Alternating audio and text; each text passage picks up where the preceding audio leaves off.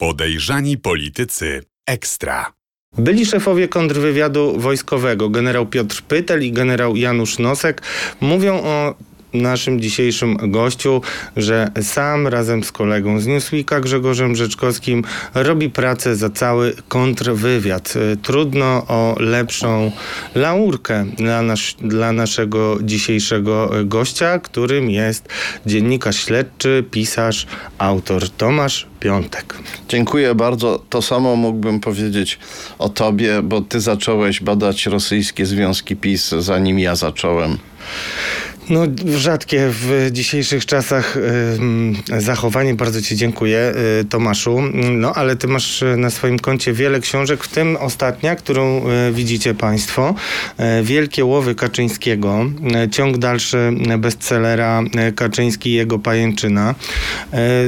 Tomasz, no nie jest tajemnicą, że niczym pająk tkasz i pokazujesz różne mm, sieci wpływów, które na końcu mają putinowską Rosję, agentów wpływów, byłych agentów KGB. To są wszystko twoje odkrycia, tak jak y, no, y, instytucja, o której dużo będziemy dziś mówić, czyli mm, Biuro Studiów SB, bo ty udowadniasz, że IPN może być bardzo istotną mm, instytucją, w której można odkryć jeszcze dużo rzeczy z różnych powodów y, nieodkrytych. Więc zacznijmy może od takiego ogólnego pytania. Jednak będziemy mieli komisję do spraw rosyjskich wpływów. Powiedzmy, że nagle w imię pluralizmu zostajesz doradcą takiej komisji i masz zrobić listę pięciu osób, e, które należałoby szczególnie mocno prześwietlić. No, zacznijmy od tego, że z tą komisją współpracować nie będę, bo ona jest zupełnie bezprawna. Natomiast gdyby powstała prawdziwa, porządna komisja śledcza, to bardzo chętnie bym z nią współpracował. E, współpracowałem z, z zespołem parlamentarnym do spraw zagrożeń bezpieczeństwa państwa, powołanym przez opozycję, który jest jakby takim, można powiedzieć, zalążkiem przyszłej komisji śledczej i gdzie są rzetelnie te rosyjskie powiązania badane. I gdyby taka komisja powstała, to przed nią powinni stanąć tak Antoni Macierewicz ze względu na niezliczone związki z Rosją. Mateusz Morawiecki z tego samego powodu. E, Jarosław Kaczyński, oczywiście nie zapominajmy o człowieku, który e, zaczął swoją karierę w wolnej Polsce od tego, że przez kilkanaście miesięcy pił wódkę i e, rozmawiał z głównym szpiegiem KGB w Polsce, Anatolijem Wasinem, a potem nagle komuniści, także powiązani z KGB, zaczęli mu dostarczać pieniądze, dzięki którym zbudował swoje imperium fundacji, spółek. I to są partii. fakty, które no, jakoś nie, nie trafiły dotąd dla, do wyborców PiSu. Akurat jeśli chodzi o Wasina i jego, e, i jego e, spotkania przy alkoholu, co podkreślasz, zresztą słusznie, to jedna e, kwestia, no ale też tam się nie, nie zgadzały daty, bo powiedzmy o tym, bo to jest istotne i dla wielu pewnie naszych widzów e, nowe odkrycie, chociaż publikowałeś o nim artykuł też e, na e, na jedynce Newsweeka, na okładce, czyli odkryłeś, że nagle po latach Jarosław Kaczyński w książce w wywiadzie e, Rzece autoryzowanym przypomniał sobie, że kiedyś z takim sobie pracownikiem ambasady e, się spotykał. Sowieckiej ambasady. Sowieckiej ambasady. No i przypomnijmy to tylko, bo jakby to jest do dzisiaj w żaden sposób niewyjaśnione i też wersja Kaczyńskiego jest kwestionowana kwestionowana. Chodzi o kluczowy moment w historii Polski, czyli przejęcie władzy od komunistów i rozliczenie Rosjan. Przecież wtedy jeszcze mieliśmy bazy rosyjskie i wojsko w, ruskie w Polsce. Tak, to w książce Wielkie Łowy Kaczyńskiego jest opisane. Yy, Kaczyński twierdzi, że yy, zaczął się zadawać z Wasinem dlatego, bo Lech Wałęsa prosił go o zorganizowanie e, mu wizyty w Moskwie. I tylko dlatego Kaczyński tak twierdzi, poszedłem do sowieckiej ambasady i zacząłem się spotykać z Wasinem. Zresztą nie w ambasadzie, tylko w tak. prywatnym mieszkaniu szpiega, gdzie na pewno były kable, kamery, podsłuchy, gdzie Kaczyński zapewne świadomie, bo nie był głupi, e, wiedział jak funkcjonują służby specjalne, no dostarczył Rosjanom pewną liczbę kompromitujących materiałów na samego siebie, czyli niejako dał im taki posag, taką rękojmię, że będzie e, lojalny wobec, wobec Rosjan, skoro im sam na siebie dał materiały kompromitujące haki. I Kaczyński twierdzi, że e, Wałęsa go posłał do sowieckiej ambasady, żeby zorganizować mu taką wizytę, ale e, przyznaje też, że zaczął się spotykać z Wasinem w lecie 89 roku, a wtedy Wałęsa Kaczyńskiemu te, takich rzeczy nie zlecał, no bo wtedy Wałęsa nie był prezydentem, e, był e, szefem Solidarności, a Kaczyński w e, kierownictwie Solidarności nie odpowiadał za kontakty zagraniczne. E, Co ciekawe, sam Wałęsa później, zapytany przez dziennikarza Jacka Nizinkiewicza o te spotkania, powiedział: e, Ja pozwoliłem Kaczyńskiemu raz się spotkać z tym sowieckim szpiegiem. Natomiast on mi nie powiedział, że on się z nim zaczął spotykać regularnie i dostawał od niego różne informacje. No oczywiście, jeśli szpieg daje komuś informacje, to w zamian za coś, to jest oczywiste. Ciekawe, czy tutaj tylko handel informacjami odchodził, czy też jeszcze jakaś inna wymiana. N- najbardziej istotne jest to, że Kaczyński w swojej książce z 2016 roku napisał, że zerwał te kontakty w grudniu 90 roku i że opowiedział o nich szefowi e, służb specjalnych Andrzejowi Milczanowskiemu, odpowiedzialnemu również za kontrwywiad. Czyli w ten sposób Kaczyński mówi nam, wyspowiadałem się e, po kilkunastu miesiącach wprawdzie, ale się wyspowiadałem polskim służbom z tych spotkań, więc jestem czysty. No niestety e, szef służb specjalnych, ówczesny szef Andrzej Milczanowski e, zaprzecza temu żeby Kaczyński cokolwiek takiego mu powiedział. Mówi, nigdy nic Kaczyński takiego mi nie wyznał, nigdy do czegoś takiego się nie przyznał. Kategorycznie temu e, zaprzeczam. A wspomniany przez ciebie generał Pytel mówi, że jest bardzo miało, mało wiarygodne, żeby Rosjanie od, tak sobie odpuścili Kaczyńskiego w grudniu 90 roku, bo on dopiero wtedy stał się ważny. Został szefem kancelarii prezydenta Rzeczpospolitej e, Lecha Wałęsy.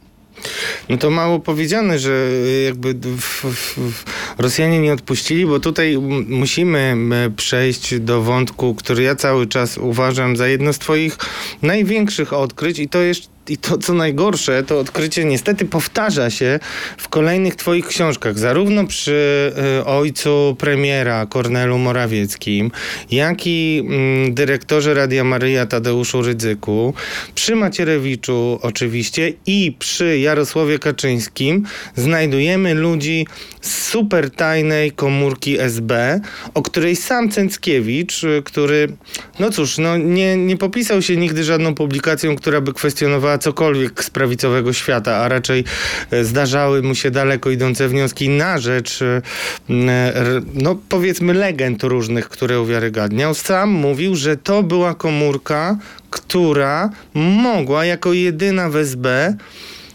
legalizować tych swoich, czy ukrywać swoich prawdziwych agentów, robiąc z nich w oficjalnych rejestrach figurantów. Czy ja coś Czyli osoby podejrzane, osoby, prze, znaczy osoby Prześladowane. prześladowane, nękane przez SB, śledzone. E, oni mogli też po prostu e, odnotowywać, że ktoś jest e, e, obiektem zainteresowania tego biura studiów, a nie musieli tego precyzować też. Mieli bardzo e, daleko idące przywileje i swobody, na których, em, swobody, których inni SBcy nie mieli. Bardzo ściśle współpracowali z Sowietami do tego stopnia, że Sowieci ufali bardziej e, To nie byle jakimi Sowietami, bo mówiliśmy, od, zaczęliśmy od służby kontrwywiadu wojskowego, więc to byli Sowieci z GRU. Znaczy, kontakty z GRU mieli, ale mieli też znakomite stosunki z KGB, z cywilnymi służbami specjalnymi Moskwy, które bardziej ufały polskiemu biuru studiów, tak się ładnie nazywała ta super tajna jednostka, bardziej ufały polskiemu biuru studiów niż na przykład e, wschodnio-niemieckiej Stasi. E, jeśli chodzi o polską esbecję jako całość, PRL-owską, to Sowieci jej nie ufali. Ale akurat biuro studiów było traktowane jak najbardziej zaufani towarzysze, bardziej zaufani nawet od komunistycznych fanatyków z Niemiec wschodnich. I faktycznie, po pierwsze, sam Kaczyński W 1986 roku e, stał się przedmiotem takiej właśnie opieki ze strony Biura Studiów. Został zarejestrowany jako osoba e, zabezpieczona przez Biuro Studiów, tak się to wówczas mówiono. Nie wiemy, czego dotyczyło to zabezpieczenie, bo te dokumenty, podobnie jak wiele innych cennych dokumentów Biura Studiów, tajemniczo zniknęły, wyparowały. Wiemy, że w tym momencie, kiedy Kaczyński został objęty zabezpieczeniem przez Biuro Studiów, zaczął się zachowywać jak wielu innych pupilów Biura Studiów, jak Kornel Morawiecki, jak Antoni Macierewicz, czyli zaczął się stroić w pióra takiego prawicowego radykała, e, ultraprawicowego, zaczął pozwalać sobie nawet na antysemickie ataki, czego nie robił wcześniej. Antysemickie ataki oczywiście skierowane przeciwko kolegom z Solidarności, demokratycznym działaczom, których Kaczyński zaczął wtedy e, dyskredytować. Później napotykamy ślady ludzi związanych z biurem studiów e, mm, wśród jego współpracowników i także w samym życiorysie Kaczyńskiego. Bardzo ciekawe jest to e, na przykład bardzo ciekawym wątkiem w tej książce, ciekawym dla mnie również, bo to jest, no to jest bardzo intrygujące ciągle. Nawet już po prześwietleniu tej sprawy ona ciągle jest intrygująca. To, to jest, jakby to powiedzieć, toksyczny związek między Jarosławem Kaczyńskim a Zygmuntem Solorzem, e, właścicielem Polsatu i wielu innych przedsiębiorstw. E, Solorz e, wielokrotnie pomagał Kaczyńskiemu y, i prawdopodobnie liczył na to, że y, w jakiś sposób Kaczyńskiego poskromi, zrobi swoim narzędziem. Stało się odwrotnie. To Kaczyński poskromił Solorza i każdy, kto ogląda Polsat, może się o tym, może się o tym przekonać. Y, jak do tego doszło, e, dlaczego Solorz zrobił się taki, e, taki grzeczny, nie wiemy. Wiemy, że Kaczyński na pewno dużo wie o przeszłości e, głównych graczy na naszej scenie i politycznej, i biznesowej z czasów PRL-u. Wiemy, że Solorz był e, zarejestrowany jako agent służby bezpieczeństwa. Mylnie mówi się, że został zarejestrowany jako agent wywiadu zagranicznego PRL. Ja tutaj mm, w książce trochę e, to e, przeanalizowałem, zbadałem. E, Solosz był Solosz był zarejestrowany jako agent przez pewnego funkcjonariusza z Radomia, którego szef utrzymywał bliskie kontakty z biurem e, studiów i najprawdopodobniej też z, e, z Sowietami.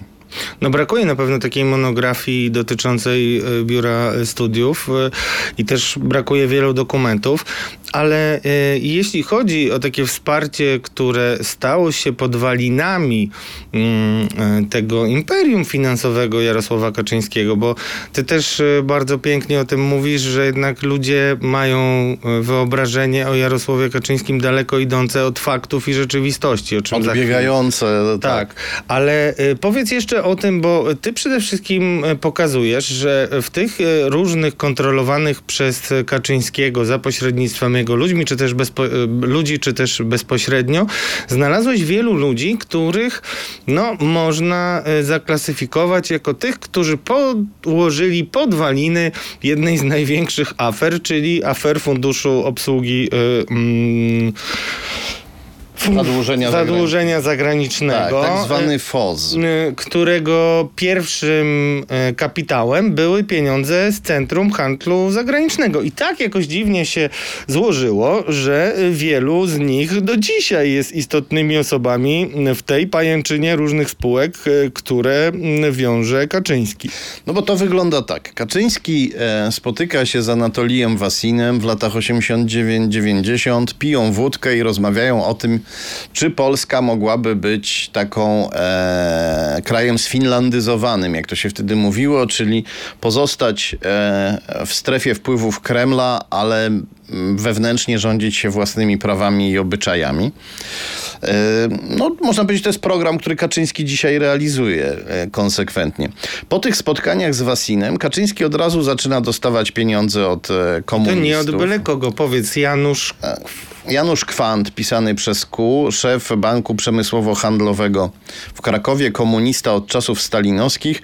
On e, opiekuje się między innymi pieniędzmi pochodzącymi z funduszów KGB przysłanymi do Polski, żeby wspierać postkomunistów. I taki facet y, y, dał pieniądze Kaczyńskiemu. I to bardzo po dużo? I bardzo dużo pieniędzy, dzięki czemu Kaczyński mógł przejąć cenne nieruchomości w centrum Warszawy przy Nowogrodzkiej i Alejach Jerozolimskich, żeby przerobić je w maszynkę do robienia następnych pieniędzy. E, I Kaczyński, ludzie Kaczyńskiego dostają też pieniądze od e, szefa Funduszu Obsługi Zadłużenia Zagranicznego Grzegorza Rzemka. Fundusz to jest też maszyna do mnożenia i przerzucania ogromnych pieniędzy w ogóle poza jakąkolwiek kontrolą państwa.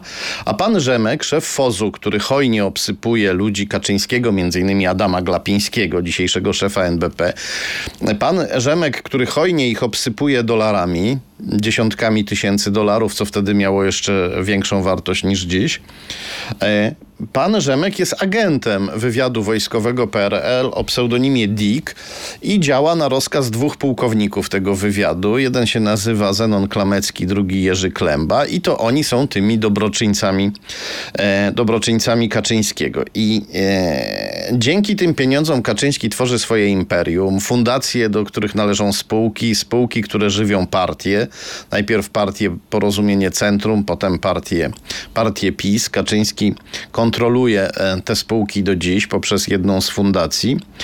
I e, e, równocześnie Kaczyński odgrywa przed. E, zaczyna już wtedy odgrywać takiego inteligenta z Żoliborza, który jest e, szczerze zatroskany o Polskę, ale mm, pieniędzmi nigdy swoich rąk nie ubrudził, jest więc e, nieskorumpowany, czysty, trochę nieżyciowy, ale dlatego go lubimy, dlatego mu Taki ufamy. bardziej ludzki się robi. Tak, tak. E, Jest to. Skromny, Mhm. bez pieniędzy, bez majątku, wprawdzie stary kawaler, ale bardzo oddany mamie. Tak, to jest e, świetna gra. No i FOZ, o którym wspominaliśmy, czyli pułkownik, dwóch pułkowników, Klamecki i Klemba oraz ich agent Grzegorz Rzemek, e, do przerzucania pieniędzy używają centrali handlowych, centrali handlu zagranicznego. To były instytucje stworzone za czasów PRL, które były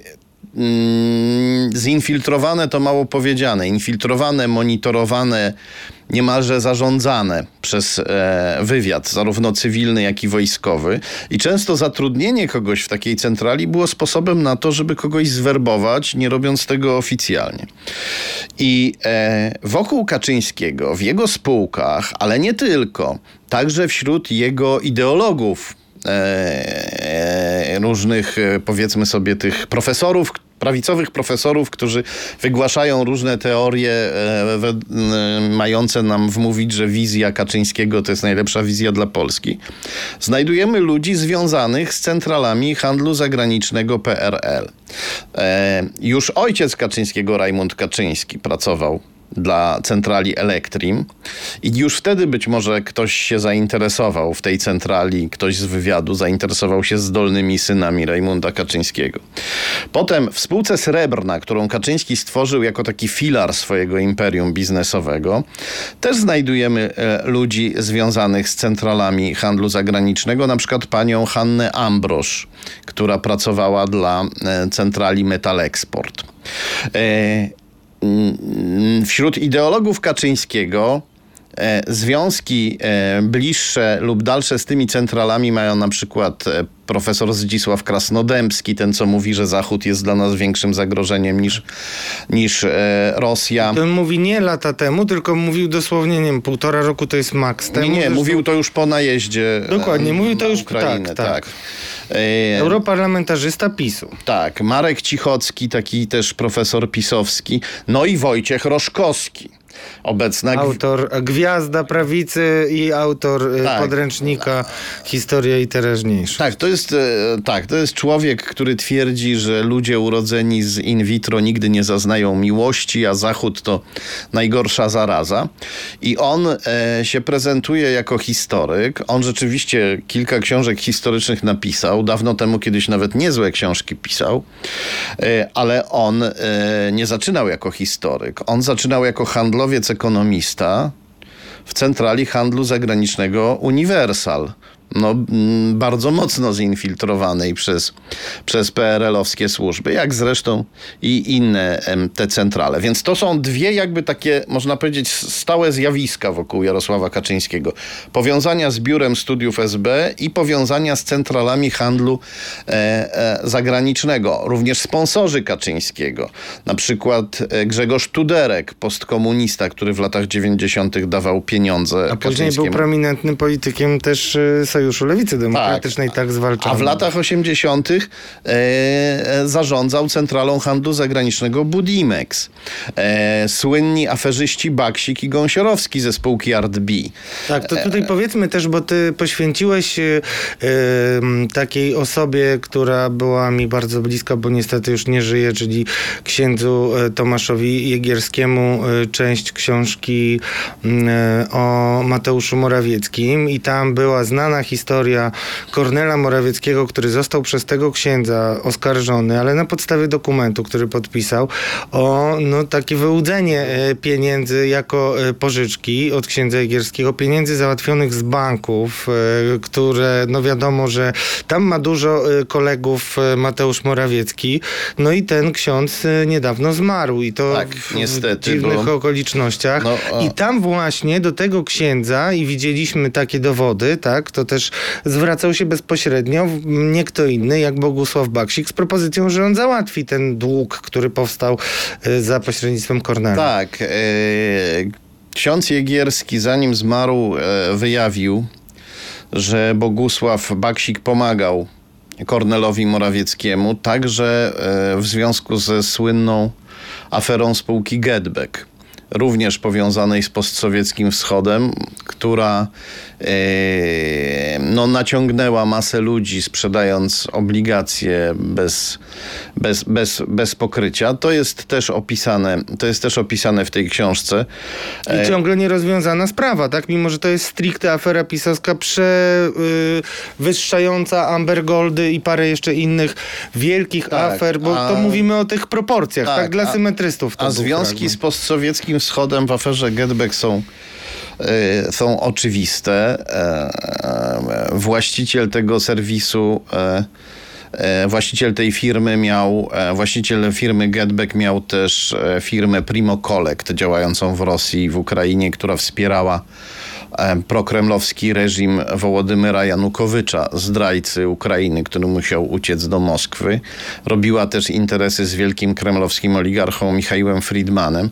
Co do Baksika, to on w swoich przekrętach posługiwał się gwarancją bankową wystawioną przez Gazprom Bank, czyli przez bank wielkiego koncernu paliwowego, oczywiście kremlowskiego. E, I to jest jakby to środowisko, w którym Jarosław Kaczyński e, pływa. I mówiąc o sprawach nowszych, to tutaj się też nic nie zmieniło. To jest w tej książce dokładnie opisane. E, mowa, e, opisane jest to, jak e, Jarosław, gdy Jarosław Kaczyński dochodzi do władzy, to minister Waszczykowski zaczyna e, politykę wrogą wobec Ukrainy i przyjazną wobec Ros- Rosji, publicznie prosi e, szefa kremlowskiej dyplomacji Ławrowa o spotkanie kuluarowe, czyli no, tutaj jakby bardzo e, ośmiesza Rzeczpospolitą też i, i to jest poniżenie godności naszego państwa, taka publiczna prośba. Minister e, Adamczyk e, od infrastruktury i transportu e, podpisuje umowę transportową z Rosją, którą Rosjanie są zachwyceni, bo zwiększa ona możliwości handlu i transportu i zarobków dla, dla rosyjskich przedsiębiorstw. E, Minister Tchórzewski e, e, pozwala sprowadzać e, węgiel e, rosyjski, nie przeciwdziała, nie To przeciwdziała. narastająco. Znaczy, Tak to, jest. To nie jest tak, że tam trochę się rzuciło, tylko to jest ewidentny Tak. wzrost y, węgla. Nie ma żadnego, nie przeciwdziała temu w żaden sposób, a jego brat handluje z Rosją i na tym zarabia grube pieniądze, brat ministra Tchórzewskiego. Przyjaciel Kaczyńskiego, były e, aparatczyk e, e, komunistyczny współpracujący, współpracujący z SB, Wojciech Jasiński, zostaje szefem Orlenu, gdy Kaczyński w 2015 przychodzi do władzy.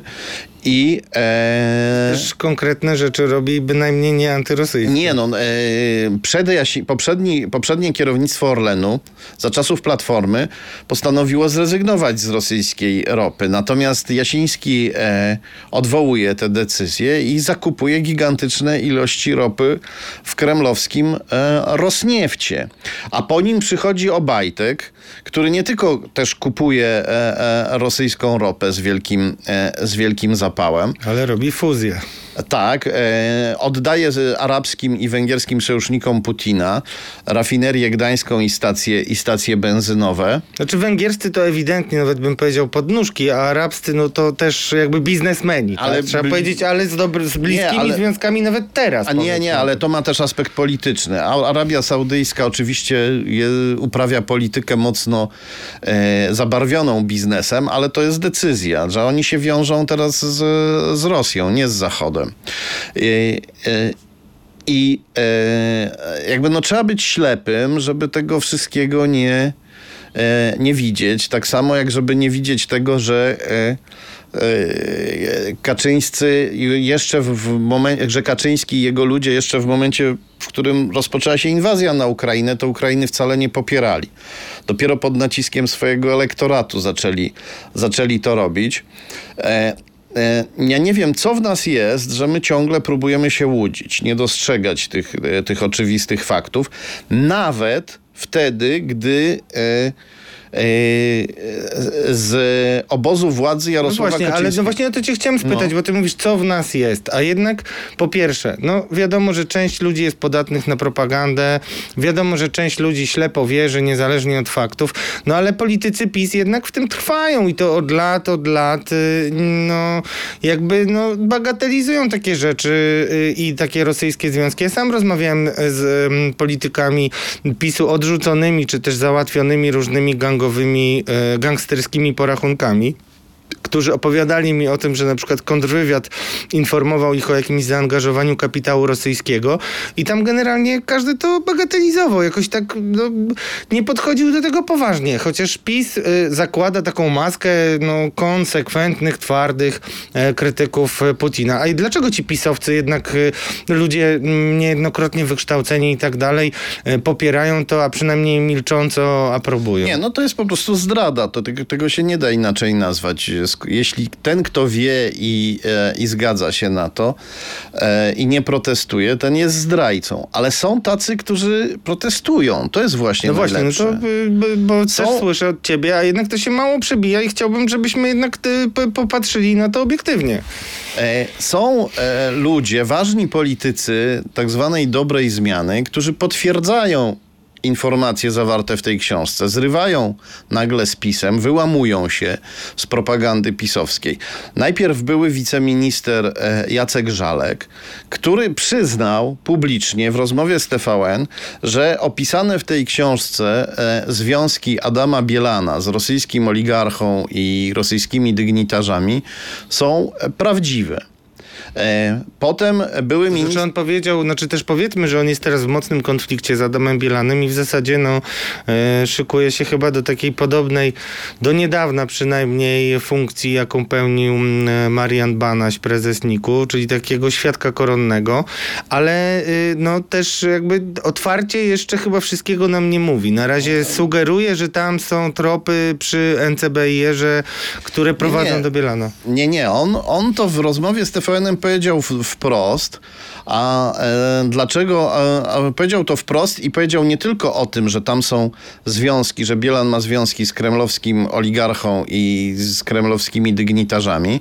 Powiedział też, że chodził na skargę do e, ministra Mariusza Kamińskiego, e, że odpowiedzialnego za służby specjalne, że skarżył się służbom, a one nic z tym nie zrobiły, nie przeciwdziałały tym związkom.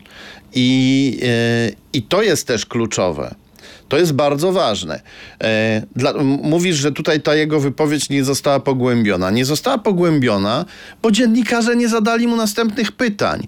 TVN schował ten wywiad za paywallem, czyli on jest płatny, albo trzeba się zalogować przez Facebooka, żeby sobie przeczytać treść tego wywiadu, albo go obejrzeć. To powinno być coś, o czym nasze media powinny mówić przez cały czas, szczególnie teraz. Zapadło milczenie. E, cytowano tę rozmowę z Żalkiem, ale pisano wyłącznie, że Żalek ujawnił pisowską mafię. Ani słowa o Rosji.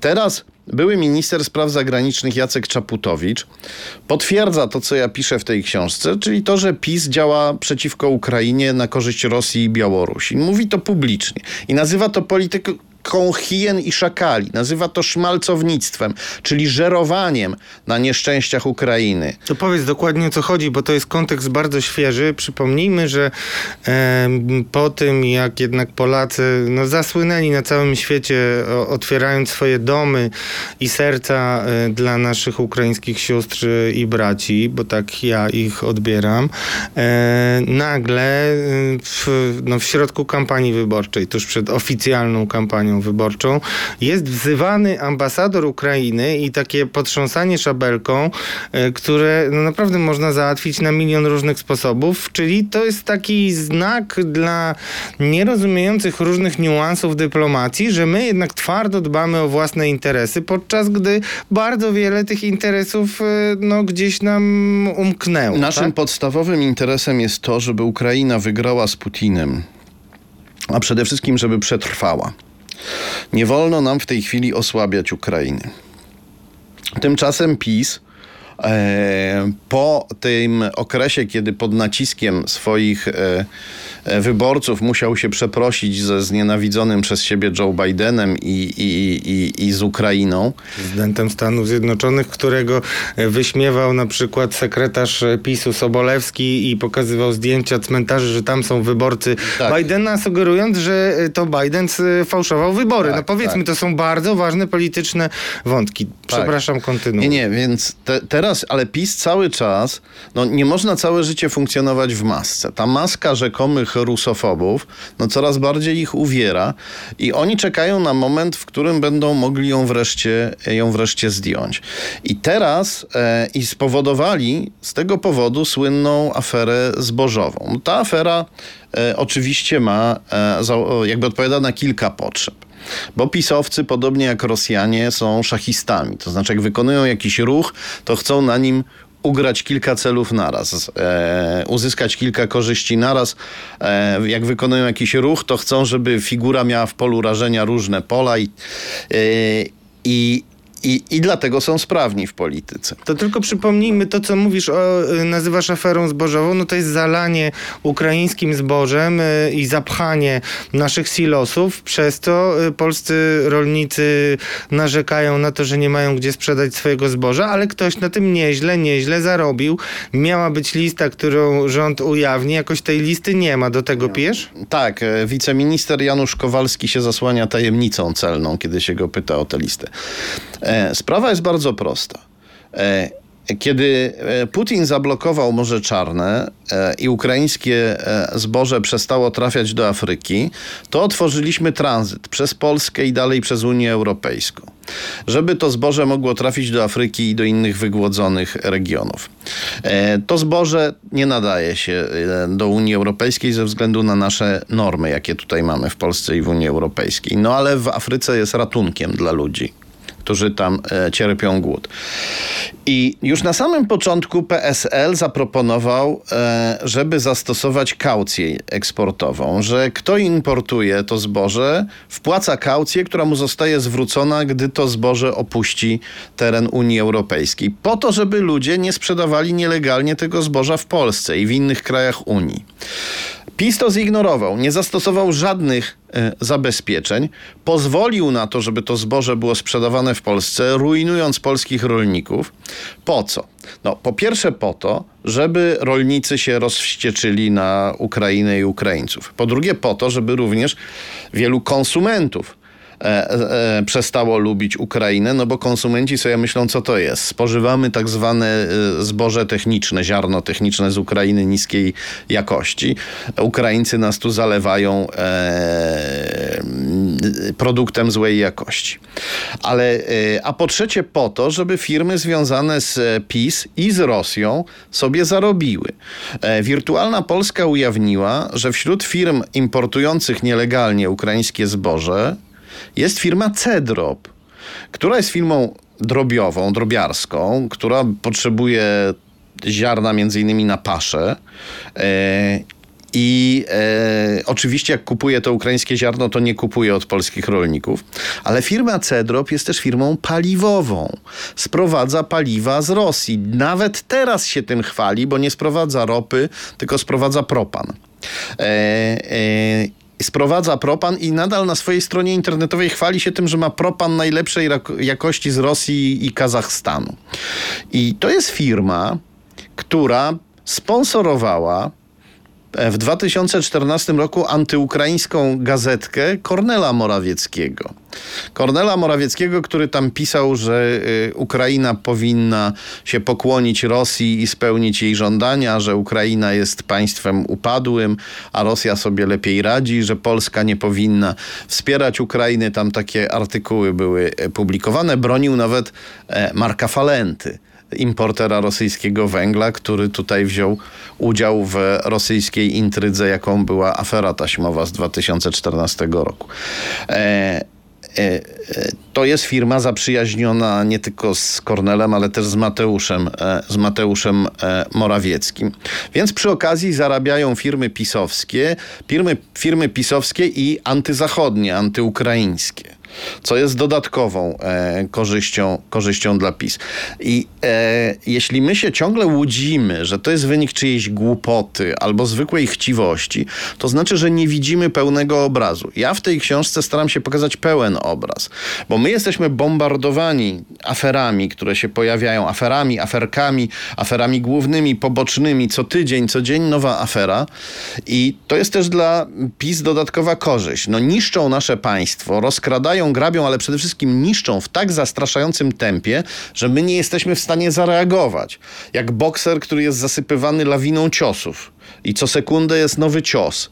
I te afery są nie tylko po to, żeby się nakraść, są także po to, żeby nas oszołomić, po to jest ich tyle i PiS się z nimi specjalnie nie kryje.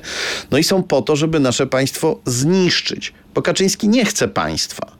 Państwo to jest jakaś struktura, przynajmniej formalnie, niezależna od partii, niezależna od tej mafii, którą Kaczyński stworzył, od tej pajęczyny fundacji, spółek i partii. E, Kaczyński chce nas pozbawić państwa, które jest jakimś stałym punktem odniesienia, jakąś, jakimś gruntem, po którym można stąpać. On chce, żeby jedynym stałym punktem odniesienia była wola Jarosława Kaczyńskiego, żeby jedyną stałą rzeczą w naszym kraju była ta mafia, ta supermafia, którą Kaczyński tworzy przy pomocy Rosji. No i nic dziwnego, że Rosjanie mu pomagają, skoro on tak skutecznie niszczy Polskę, wroga Rosji.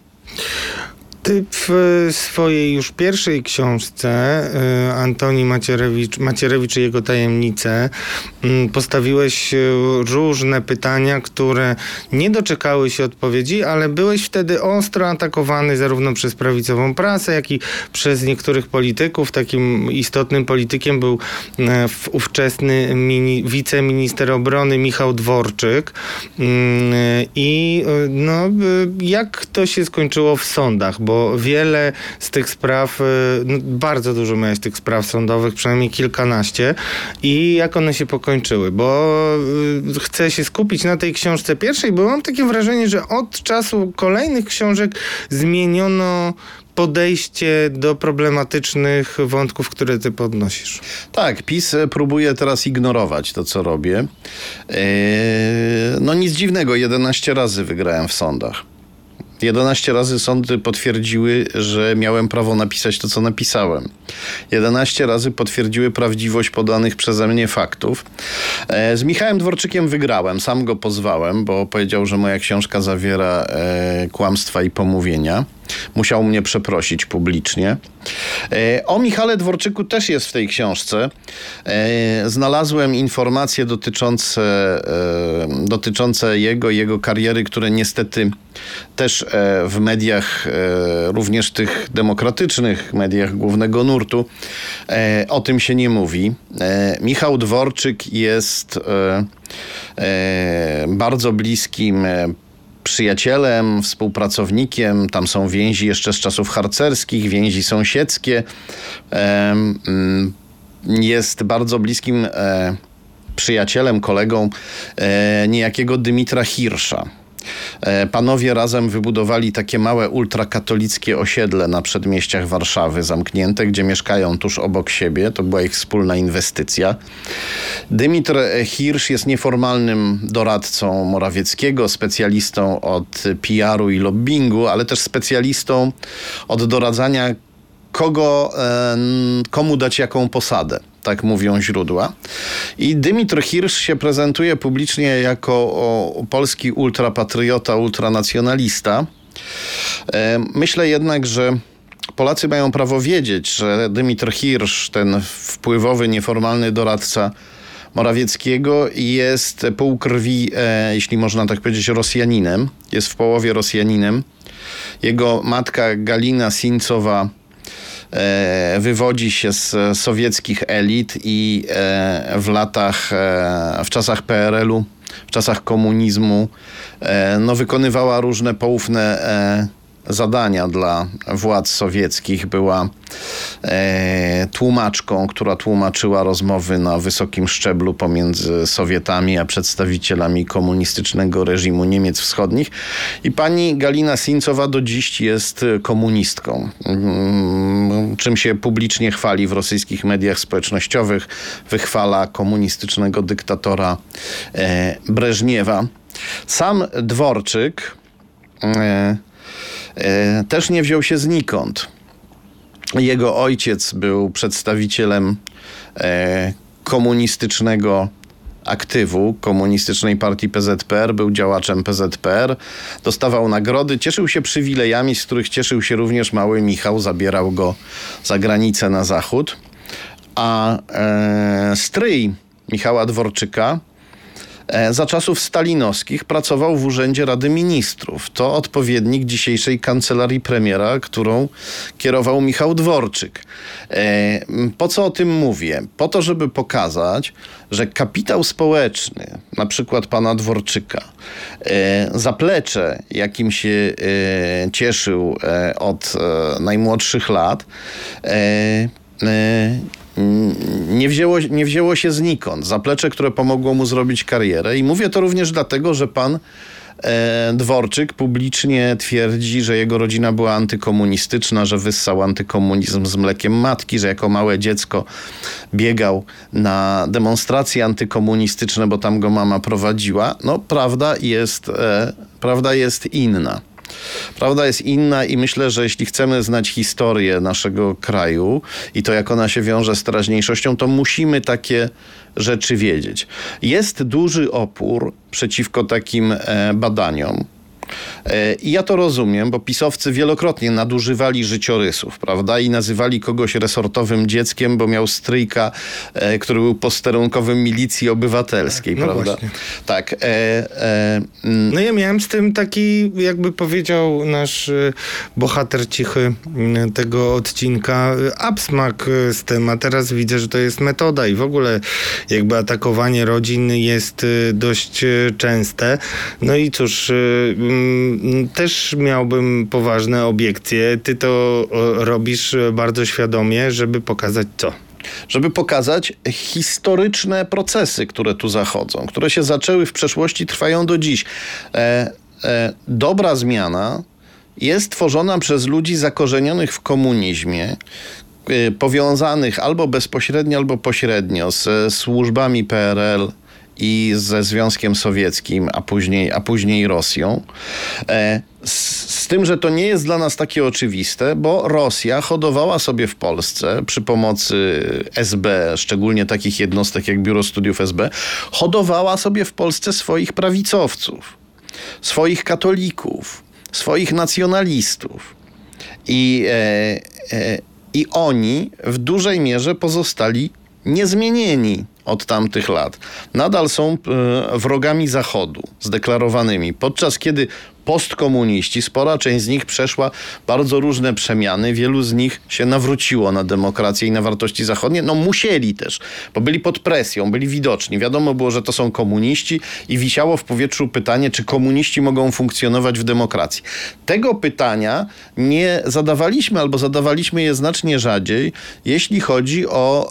Yy, ultraprawicowców. Gdzieś tam wiedziano.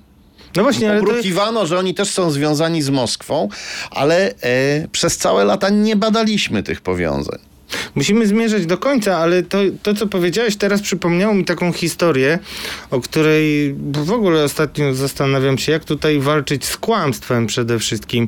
I pamiętam, jak e, taki stary program, który prowadził e, Tomasz Sekielski i mm, pan redaktor Morozowski, zaprosił takiego polityka wprowadzonego przez Romana Giertycha, co podkreślam, e, do Sejmu, który się nazywał Zygmunt Wrzodak. I mm, Zygmunt Wrzodak jak któregoś dnia schodził z mównicy, to został zaatakowany przez e, e, któregoś z braci Kaczyńskich, no myślę, że Jarosława. Jednak, który powiedział do niego, ty ruski agencie czy ruski szpionie? I żeby udowodnić, że takie miejsce miało, e, że takie... takie zdarzenie miało miejsce, Zygmunt Wrzodak dał się podpiąć pod wariograf, no i faktycznie wyszło, że on mówi prawdę. E, teraz Roman Giertych e, też jest e, mocno w grze, mimo że nie ma go w kraju i jest no, przedstawia się jako ofiara e, prokuratury e, pisowskiej, też jest mocno w grze. To tak a propos tego, co ty mówisz, że jakoś mało e, do tej pory mówiło się o skrajnej prawicy w kontekście Rosji, dopóki Konfederacja razem z Braunem nie zaczęła wychwalać pod niebiosa Putina, co jest faktem i co trzeba koniecznie podnosić. Jak ty oceniasz takich właśnie polityków jak e, Roman Giertych? No bo jeżeli sięgasz daleko, żeby postawić mocne pytania o e, Jarosława Kaczyńskiego, no to chyba też y, to środowisko wokół Giertycha, wokół Konfederacji też należałoby tak prześwietlać, wracając do pytania to, kto powinien przed komisją odpowiadać. E, Roman Giertych był przez bardzo długi czas politykiem antyzachodnim. Oj tak, to on był przecież tą pierwszą siłą antyunijną, pamiętajmy. Tak, Liga Polskich Rodzin. On nawet... E, Młodzież Wszechpolska. Tak. E, politycy tej, e, tego ugrupowania wypowiadali się nawet przeciwko udziałowi Polaków w misjach NATO czyli byli też w, jakimś, w jakiejś mierze antynatowscy.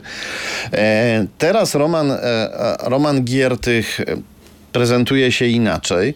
Natomiast ja myślę, że dobrze by było, żeby Roman Giertych wystąpił publicznie i powiedział nam dokładnie, co on o różnych sprawach myśli. Bo, Zapraszasz go na taki wywiad? No, byłoby, było, byłoby, byłoby super, panie Romanie. Ja chciałbym wiedzieć, jaki jest pański stosunek na przykład do legalizacji aborcji. No bo to jest jakby jed...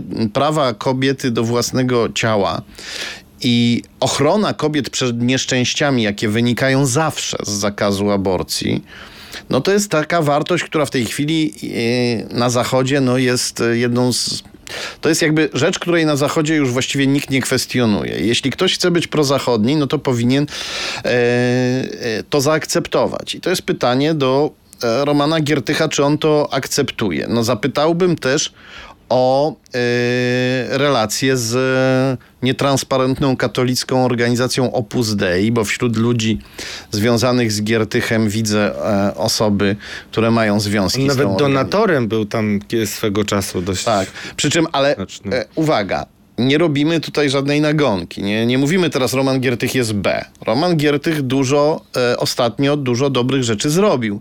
Natomiast dobrze by było sobie wszystko do końca wyjaśnić. Z pewnością.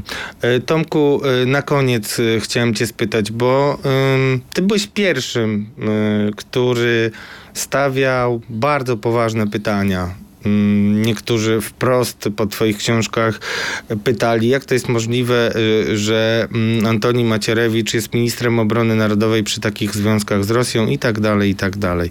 Ale teraz mamy też taką metodę, chyba się y, należy to mm, tak obserwować.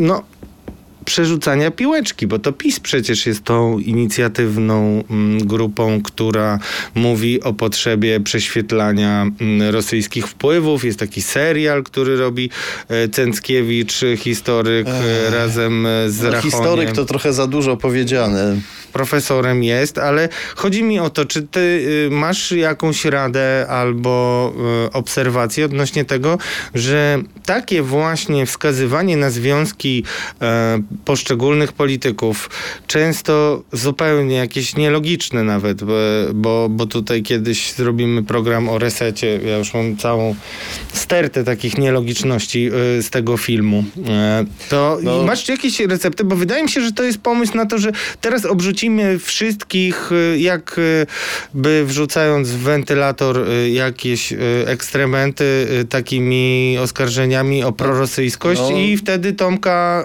oskarżenia gdzieś też utoną w tym no tak, gradzie. Złodziej woła łapać złodzieja. Skąd się wziął pan Cęckiewicz, to również w tej książce jest opisane. Bardzo no to są mocne, mocne, znaczy no, obnażasz pewne tak, błędy. Obnażam jak działa Cęckiewicz i piszę też skąd się wziął, z jakiej organizacji. E, bardzo gorąco polecam. E, co do filmu Reset, który zrobili, no to to są e, próby albo publikowania rzeczy oczywistych jako wielkich sensacji. No wiadomo było, że Tusk przed 2014 rokiem nie był antyrosyjski, ciągle jeszcze wierzył, że z Rosją można się jakoś dogadać. Potem te złudzenia mu minęły. To ja tylko powiem, że y, kolejni prezydenci amerykańscy y, też y, mówili o resecie z Rosją. Nawet pamiętam Hillary Clinton przyniosła taki guziczek z napisem reset, zresztą z jakimś błędem. To tak a propos tego tak. proamerykańskiego od zawsze sznytu pisowskiego.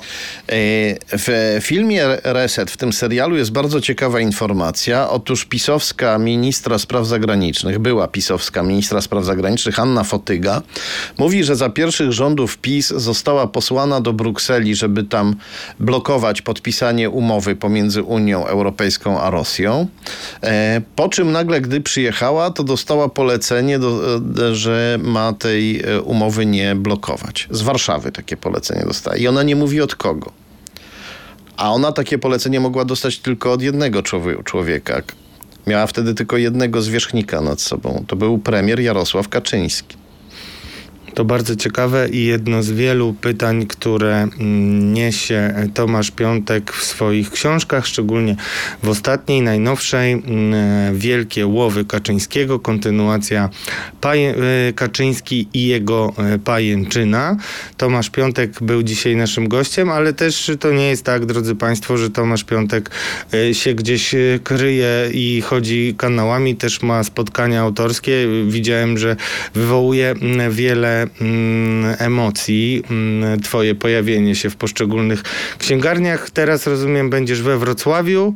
Tak, e, w sobotę o godzinie 18 przy Legnickiej 65 w siedzibie Stowarzyszenia Tratwa. O, no to możecie, możecie nawrzucać też Tomaszowi, bo on generalnie sobie dobrze e, radzi nawet pod gradem e, pytań i też rozumiem, że możemy liczyć na to, my jesteśmy podcastem, w którym kontaktujemy się z naszymi różnymi adwersarzami w komentarzach, więc y, jeśli macie pytanie do Tomasza Piątka, wystarczy y, to jasno zaznaczyć. Mam pytanie takie i takie i Tomasz Piątek y, nie będzie się chował gdzieś tam tak? Tak jest, tak jest. I polecam serdecznie książkę, jeśli interesują Was tacy właśnie pisowcy jak Daniel Obajtek, Adam e, Hoffman, jak pisowski propagandista Miłosz Kłeczek, e, jak ministrowie Tchórzewski, Adamczyk, Waszczykowski. Możecie się dowiedzieć, co łączy ich e, z Rosją, a przede wszystkim dowiecie się, co łączy z Rosją Jarosława Kaczyńskiego. I tyle od Tomasza Piątka. Te pytania na pewno będą wracać przy okazji inauguracji działania e, komisji, a na pewno jeśli kiedyś władza się zmieni, a władza każda przemija, wrócą jak bumerang. Dziękuję bardzo. Tomasz Piątek, dziennikarz śledczy, autor Wielkie Łowy Kaczyńskiego. Do zobaczenia. Do zobaczenia. Dziękuję bardzo. Podejrzani politycy ekstra.